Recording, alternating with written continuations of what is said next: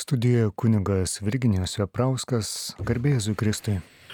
Ir paneliai švenčiausiai taip pat. Malonus Marijos radio klausytojai ketvirtadieniais girdima laida aktualieji bažnytinės teisės klausimai. O mes tiesiog einame prie savo laidos apie pamaldžius valios pareiškimus bendrai ir pamaldžias fondacijas. Aiškinamės 1308 kanoną. Na ir sustojome dėl šventųjų mišių ties antra išimtimi. Dabar dėl šventųjų mišių. Kaip žinote, tuos stipendijų reikalus tvarko 952 kanonas pirmasis paragrafas. Provincijos susirinkimui ar provincijos vyskupų susirinkimui priklauso visai provincijai dekretu nustatyti, kokia auka duotina už mišių celebravimą ir skyrimą, neleidžiant kunigui prašyti didesnės sumos.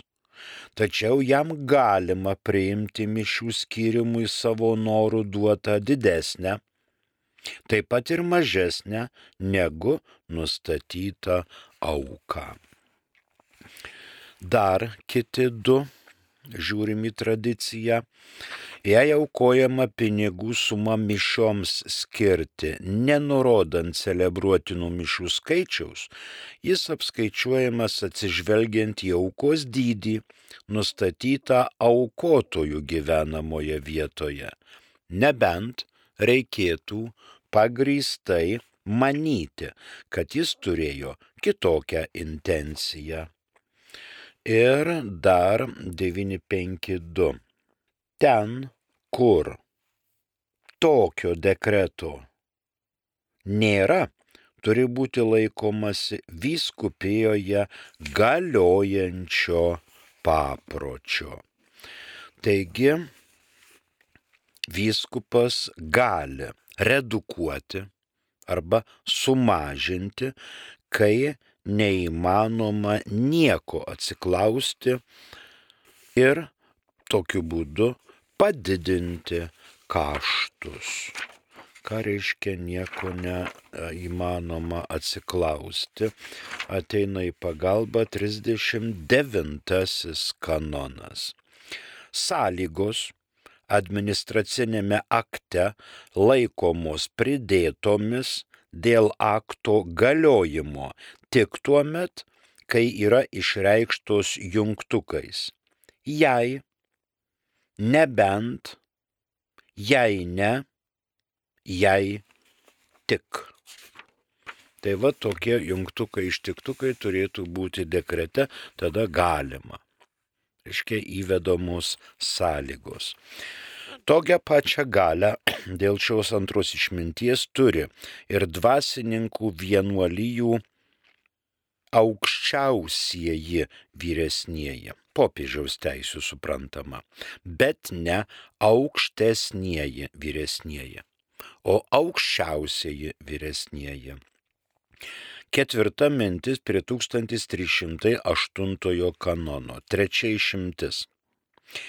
Kai šventų mišių įsipareigojimai dėl ligoninių, mokyklų, universitetų atsiranda. Tai čia ne pajamų sumažinimas, o pajamų reikalingų pasiekti savus tikslus stygius, kai neįmanoma išsisukti, išsivinioti iš papildomų įsipareigojimų. Na ir penktoji mintis dvasininkų, vienuolinių institutų popiežiaus teisių aukščiausieji, bet ne aukštesnieji vyresnieji turi tokią pačią galę. Tačiau visuomet reikia žiūrėti, kad būtų visa tai proporcinga. Kad būtų išlaikoma proporcija, kad nebūtų sauvaliavimas. 1308 atitikmuo rytų kanonuose yra 1052. Fiksuojam 1308. Yra penki paragrafai. Mišių prievolių sumažinimas leidžiamas tik dėl pateisinamos ir būtinos priežasties. Yra rezervuotas apaštalų sostui liekant galiau, galioti toliau išdėstytoms nuostatoms. Antrasis. Ordinaras gali sumažinti mišių prievolės dėl sumažėjusių pajamų, jei tai aiškiai buvo nurodyta fundacijos dokumentuose. Trečiasis. Dieceziniam vyskupui priklauso gale dėl sumažėjusių pajamų, kol tokia priežastis tęsis, laikantis teisėtai vyskupijoje galiojančių aukos dydžio, sumažinti savarankiškais legatais ar kokiu nors būdu įsteigtų mišių skaičių, jei tik nėra to, kuris yra įpareigotas ir gali būti sėkmingai priverstas pasirūpinti aukos padidinimu. Ketvirtasis. Jam priklauso gale sumažinti mišių prievolės arba legatus, apsunkinančius bažnytinį institutą, jeigu pajamos tapo nepakankamos tinkamai siekti tam institutui būdingo tikslo. Ir penktasis Šias galės, apie kurias kalbama aukščiau paragrafuose, turi ir popiežinės teisės dvasininkų, vienuolinio instituto aukščiausiasis moderatorius. Taigi 1308 pabaigėme. Ar tik nebus mus pasiekusi žinutė, tai prašom tada. Šiemet klausimas sausio 6 trys karaliai buvo privaloma šventė, ar nuodėmė nebuvus bažnyčioje, klausė Angelė. Ne, šiais metais sausio 6 trys karaliai arba viešpaties apsireiškimas nebuvo privaloma šventė. Ir ne, nedalyvavo šventų mišių aukoje, nuodėmės nėra. Ačiū. Dar Biblijoje parašyta, kad meilė padengia visas nuodėmes. Kaip aiškintumėte plačiau, ar gali vyras jausti simpatiją ir mylėti taip pat lygiai verčiai kaip moteris? Gali. Aišku, gali vyras vyrui jausti simpatiją ir mylėti taip pat lygiai verčiai kaip moteris. Tėvas myli sūnų. Labai nuoširdžiai. Jaučia simpatiją lygiai kaip savo žmonai. Kas čia? Čia viskas tvarkoja. Meilė padengia visas nuodėmės. Dar reikia išsiaiškinti, ar tai yra meilė. Dabar apie meilę visi triedžia. Meilė, meilė, meilė. Bet bažnyčia pateikia kitą sampratą, kad meilė yra Dievas. Ir kad meilė ne tai, kad mes pamilome Dievą, bet kad Dievas pamilo mus. Va čia tai yra meilė. Bet iš tokios atspirties pozicijos galima ir toliau visą tai svarstyti. Ačiū. Dar vienas klausimas, prašom. Kur rasti, klausė rasa, aukų įkainius? Aukų įkainių nėra, jeigu būtų aukų įkainiai, tai būtų tarifai. O dabar pats žodis aukos. Tai žmonės aukoja. Tai yra auka. Jeigu menkesnė auka yra aukų dėžutės bažnyčioje, o jeigu jau nori žmonės atskirų mišių, ateina tartis su kunigu ateina tartis rasą su kunigu. O įkainius rasti, kad tai būtų, nes nebūtų protinga, reiškia. Eurais buvo taip, litais buvo taip, vagnorkiam buvo kitaip, rubliais buvo dar kitaip, kažkur doleriais kitaip, šekeliais kitaip, markiam. Tai mes čia kalbame apie visuotinę katalikų bažnyčią. O mes turim savo kraštą, kur, aišku, laikomės tradicijų. Tradicijų laikomės. Aišku, vyskupų pareiga yra išlaikyti savus kunigus. Bet kol kas yra tradicija, kad savus kunigus išlaiko parapijos parapijos išlaiko savus kunigus.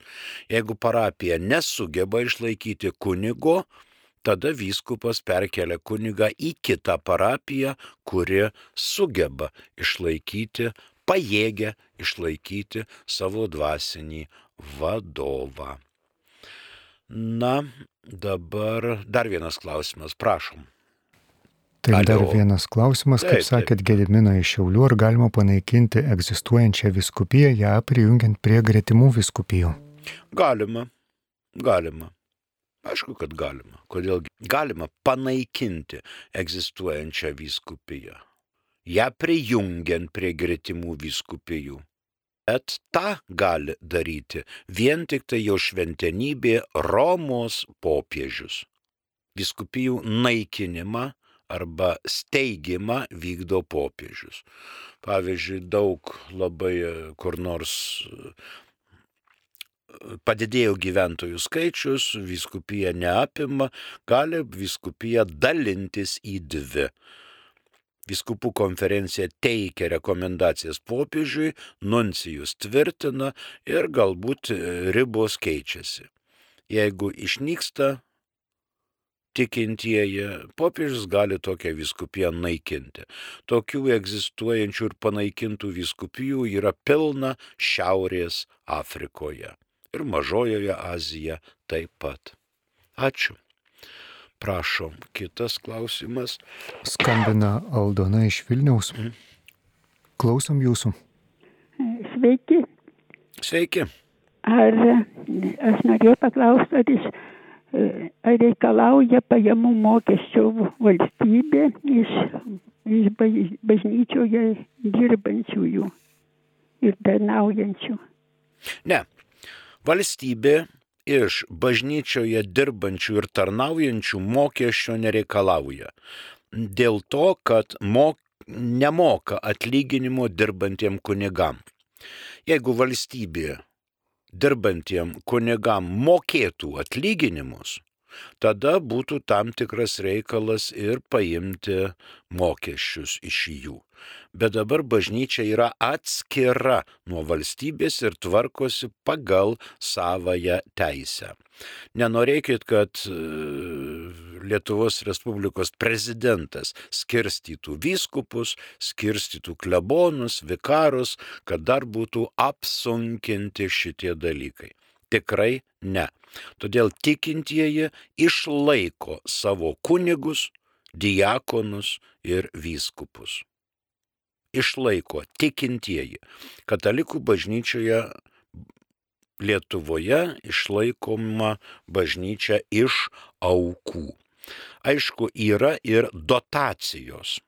Vienais metais didesnės, kitais mažesnės. Pavyzdžiui, valstybė remia kunigų seminariją, nes e, fakultetuose dirba kunigai profesoriai, jie gauna žinoma iš e, universitetų atlyginimus. Tai jau ne iš aukų. Yra tam tikras statusas, edukacija, gauna, gauna, gauna, tikrai gauna. Bet kunigai ne. Ačiū. Turim dar vieną SMS, taip? Dar vienas, bet labai painus klausimas. Na, prašau, prašau. Pabandykim. Moteris Senojo testamento laikais negalėjo eiti į šventyklą menstruacijų metu, o dabar juk moteriai jos dienom turbūt galima eiti. Čia parašyta jos dienom. Ar moteris gali eiti į bažnyčią menstruacijų metu, turbūt tai būtų. Mm. Dabar pradėkime nuo to, kad Dievas sukūrė vyrą ir moterį. Žmogų sukūrė Dievas. Ir Dievas žino, kaip vystosi vyro organizmas, kaip vystosi moters organizmas, kas kada vyksta, kaip kada vyksta. Čia Dievui nėra paslaptis ir žmogui nėra paslaptis. Tai čia kalbame apie Senąjį testamentą. Ir dabar žmonės, kurie besilaiko Senojo testamento griežtai, vienam autobuse, pavyzdžiui, vyras besilaikantis griežtų reikalavimų negali sėdėti vienoje eilėje autobuse su moterimi. Jeigu yra laisva vieta šalia moters, jis nesės, nes gal neduok Dieve, kaip jūs rašote, moteris turi ten kažkokių tai dalykų. Jis negali ten išklausinėti, ištyrinėti, bet kad nebūtų pažeistas įstatymas, jisai prie moters nesėda. Viso gero. Arba paprašo, kad moteris dinktų iš tos vietos kur nors ten į kokį kitą kampą, kad jam būtų mm, sėdima vieta šalia vyro, šalia vyrų, bet kad moteris čia nesėdėtų. Tai aišku 21 amžius ir tai yra. O dabar katalikų bažnyčioje to nėra. Tas buvo Senajame testamente menstruacijos moterys, visi krikščionys tarpusavyje lygūs ir nėra išimties. Tu vyras ar tu moteris, tu sergi COVID, ar tu sergi plaučių uždegimu, ar tau appendicitas, ar tau stentukas įvanotas, ar dar kas nors yra gyvenime, tu drąsiai gali eiti į bažnyčią nesidrovėdamas, kad tau kas nors organizme darosi, darysis, ar netikėtai kas ištiks. Jūs klausėt apie moterį ir Senąjį testamentą. Senasis testamentas su savo nuostatais pagal Šventąją Romos katalikų bažnyčią yra panaikintas, nes vyskupijoje įstatymų leidėjas yra vietos vyskupas, vadovaujant popiežiui. Ir tokių nuostatų, kad menstruacijos tikrai nėra. Gal Seno testamento laikais, kaip jūs rašote, į šventyklą šventykla tai buvo viena, o sinagogų buvo daug. Galbūt buvo reikalavimas, kad ten moteris nesimaišytų šventykloje, kai vyrai meldžiasi. O į sinagogas galbūt jos galėjo eiti moterys. O čia kalbate apie šventyklą. Čia yra žinoma plati, plati tema. Bet principinis atsakymas yra toks. Ačiū. Mes einame prie savo tiesioginės laidos, prie 1309 kanono. Šiai valdžiai, apie kurią kalbame tik girdėtame kanone, dar priklauso gale. Dėl tinkamos priežasties perkelti mišių prievolės į kitas dienas, bažnyčias ar prie kitų altorių, negu nustatyta fundacijoje. Taigi 1309 kanonas kalba ne apie šventųjų mišių redukavimą, bet apie užsakytų šventų mišių per fundaciją perkelimą į kitas dienas, kitas bažnyčias ar kitus altorius, kurie pagal fundacinius raštus netitinka aprašytųjų raštuose. Pavyzdžiui, intencija, kad reikia laikyti mišis pirmąjį mėnesio penktadienį. Arba kad mirties metinėse. Arba konkrečioje bažnyčioje ar bazilikoje ar šventovėje. Kartais aplinkybės verčia, kad to įvykdyti neįmanoma. Tada ir suteikiama teisė perkelti. Fundatorius gali skirti tarkim, šventas mišes laikyti prie konkretaus šventojo altoriaus, prie švento Antano. Pavyzdžiui, fundatorius sako, aš noriu, kad mišios eitų prie fundatoriaus patrono šventojo Antano. Šiuo atveju šventų mičių skaičius nekinta, gali kisti vien tik tai vieta ir laikas. Pavyzdžiui, daromas Švento Antano altoriaus restauravimas. Celofanai, reštavonės, stalažai, vyrai su kalkių kibirais vaikšto aplinkui, jokios mišios ten kokį pusmetį negali vykti. Todėl tai yra normalu, kad perkeliama šventųjų mišių auka į kitą vietą. Kas yra ordinaras? Ordinaras gali. Mums ateina į pagalbą 134 kanonas pirmasis paragrafas. Be Romos popiežiaus ordinaru teisėje suprantami diecezniai vyskupai ir kiti, kurie nors ir laikinai vadovauja bet kuriai daliniai bažnyčiai, ar jai prilygintai bendruomeniai, taip pat tie, kurie juose turi bendrąją ordinarinę vykdomąją galę. Būtent generaliniai ir vyskupo vikarai, Taip pat savo nariams popiežinės teisės dvasininkų vienuolinių institutų bei popiežinės teisės dvasininkų apaštališkojo gyvenimo draugijų aukštesnieji vyresnieji, turintys bent ordinarinę vykdomąją galę. Tai va šitie gali perkelti. Šis kanonas tai lyg tai 1300 kanono tasa kad būtų viskas daroma rūpestingai. Ir norint perkelti, ordinaras privalo išklausyti suinteresuotųjų, fondatoriaus arba jeigu jis yra miręs, jam atstovaujančiųjų, juridinių asmenų, fizinių asmenų, kurie turi įgaliojimus, taip pat ir to privalo išklausyti, iš kurio perkeliama ir taip pat to privalo išklausyti, į kurį perkelia. Pavyzdžiui, pažaislyje buvo fundacija. Pažaislio vienuolinė. Buvo laikomos, laikomos, laikomos mišios, atėjo gerbiami pravoslavai ir sako katalikams, von, mes jumis kam maldulius uždarome, eikit šunim šieko pjauti, jūsų čia visai nereikia. Čia dabar bus cerkvė.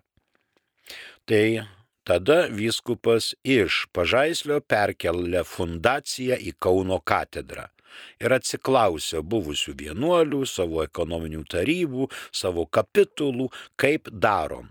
Nes toje bažnyčioje katalikiškų mišių jau nebėra, jau uždrausta. Reikia perkelti fundaciją į kitą vietą. Ir 1309 kanono mintimi čia turime pastovų perkelimą bet ne bažnyčios remonto atveju, kaip tarkim Paryžiaus Dievo motinos katedra sudegė, stovgas įgriuvo gaisro metu, ten jokios pamaldos negali vykti. Arba pavyzdžiui, pirmą mėnesio penktadienį turi būti laikomos mišios. O didysis penktadienis papuola tais metais pirmuoju mėnesio penktadieniu per didįjį penktadienį nelaikomos absoliučiai jokios šventosios mišios. Tada perkeliama diena. Bet tai nėra pastovumas, tai yra, reiškia, proto kriterijai.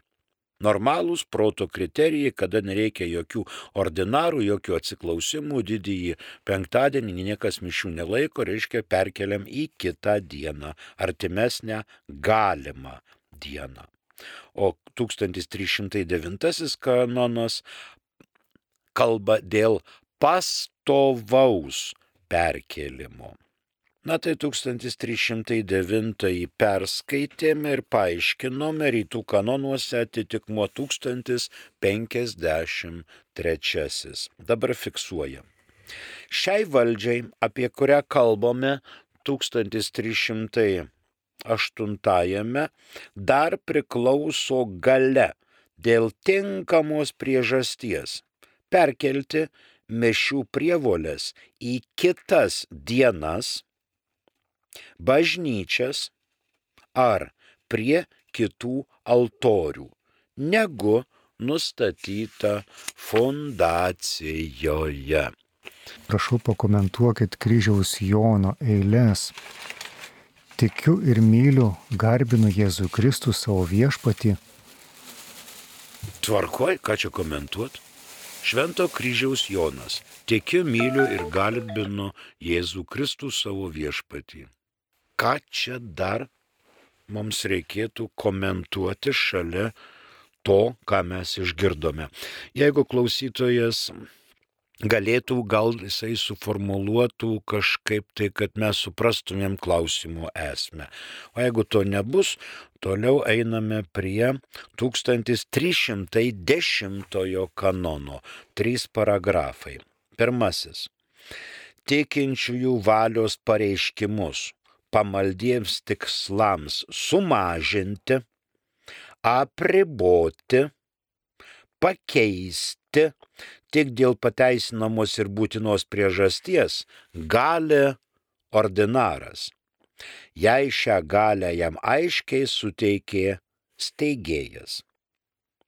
Antrasis, jei neįmanoma uždėtų prievolių įvykdyti dėl pajamų sumažėjimo ar kitokios priežasties, be jokios administratorių kalties, ordinaras išklausęs tų, kurie suinteresuoti ir savo ekonominių reikalų tarybos ir geriausių įmanomų būdų išlaikydamas teigėjo valią, gali atitinkamai sumažinti tas prievolės, išskyrus mišių sumažinimą, kuris tvarkomas pagal 1308 nuostatas. Trečias paragrafas. Kitais atvejais reikia kreiptis į apaštalų sostą. Pirmoji mintis. Šis kanonas dėl ko? Dėl sumažinimo, apribojimo ir pakeitimo, kurį galima vykdyti fundacijoms, išskyrus šventųjų mišių aukai. Ta gali ordinaras, jei fundacinėme rašte tai pažymėta aiškiai. Ir tą darė, gali ordinaras dėl pateisinamos ir būtinos priežasties. O jeigu fundacinėme rašte nėra aiškiai nurodyta.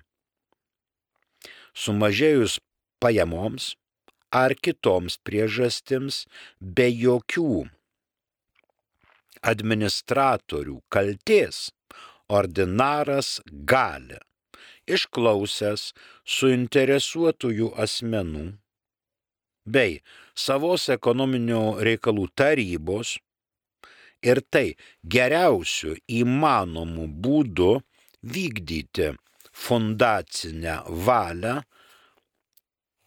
atitinkančių gestų arba išlaikydamas steigėjo valią gali pakeisti. Išimtis šventosios mišios. Tai yra 1308 kanonas. Jeigu ordinaras neišklauso ekonominių reikalų tarybos, jo sprendimai yra negaliojantis. Dabar dar turime vieną klausimą, prašom. Skambina Barbara iš Žemaitijos. Malonu, prašom, ponė Barbara. Garbė Jėzui Kristui. Per amžius amen. Čia iš Žemaitijos Barbora skambina. Mm, Iš kurios vietos? Čia Mažeikių rajonas. Ačiū. Norėčiau sužinoti, čia susilie, susiliečia tas klausimas. Anksčiau buvau, ar po gimdymo moteris praėjus apsivalymo dienoms yra įvesdinama į bažnyčią. Dabar Man taip, atrodo, kad mano seseriai, kad liktai tai buvo, bet tas buvo prieš 60 metų. taip, taip.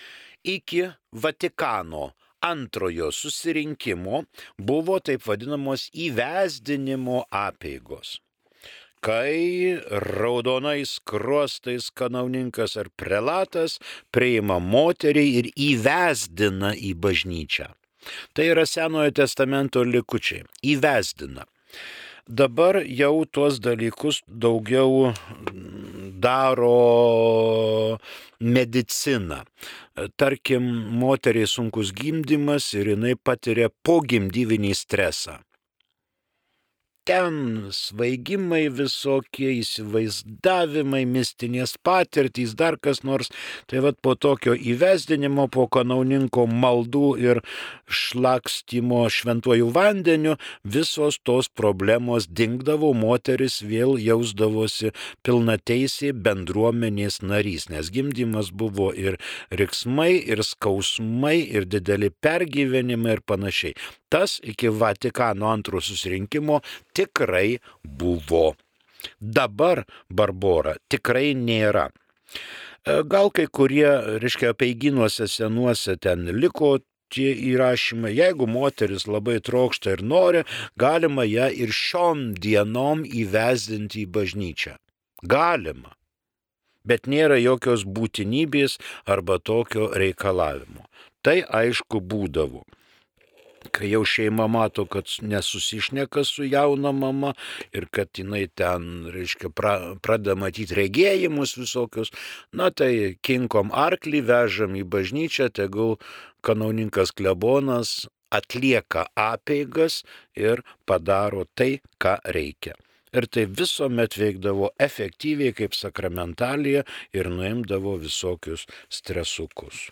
Ir pogimdyvinius simptomus. Ačiū. Toliau. Mums į pagalbą ateina 127 kanonas, pirmas, antrasis, pirmas, antras paragrafai. Kai teisės yra nustatyta, jog aktams, kuriuos reikia atlikti, vyresnysis privalo gauti kolegijos arba asmenų grupės sutikimą ar patarimą, kolegija ar grupė privalo būti sušaukta pagal 166 kanono normą. Nebent, kai reikia gauti tik patarimą, partikuliarnį arba savoji teisė nustato kitaip. Tačiau, kad aktas galiotų, reikia absoliučios dalyvaujančiųjų daugumos sutikimo ar būt, arba kad būtų išklausyti visų patarimai.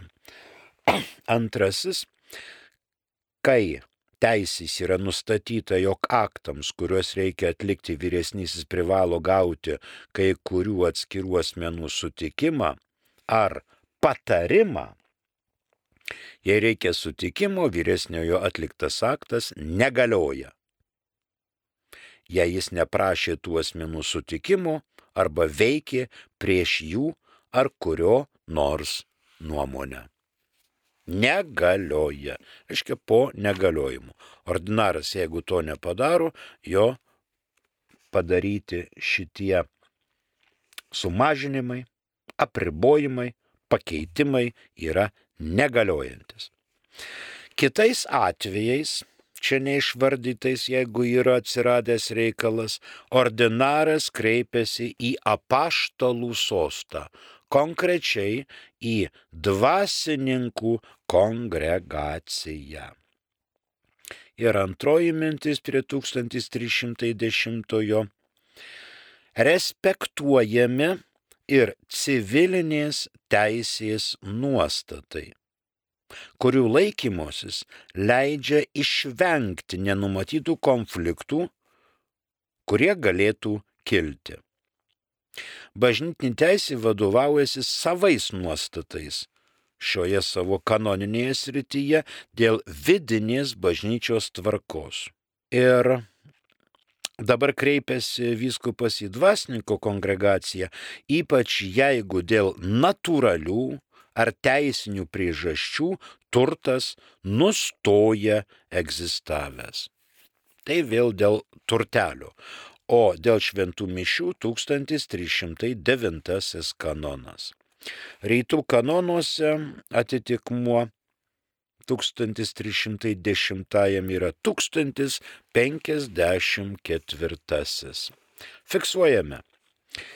Tikinčiųjų valios pareiškimus pamaldiems tikslams sumažinti, apriboti, pakeisti tik dėl pateisinamos ir būtinos priežasties gali ordinaras. Jei šią galę jam aiškiai suteikė steigėjas. Antras Jei neįmanoma uždėtų prievolio įvykdyti dėl pajamų sumažėjimo ar kitokios priežasties, be jokios administratorių kalties, ordinaras išklausęs tų, kurie suinteresuoti ir savo ekonominių reikalų tarybos, ir geriausių įmanomų būdų išlaikydamas teigėjo valią, gali atitinkamai sumažinti tas prievolės, išskyrus mišių sumažinimą. Trečias, kitais atvejais reikia kreiptis į apaštalų sostą. Ačiū, mūsų laikas išseko, prie mikrofono dirbo kunigas Virginijus Veprauskas, ačiū ir sudė.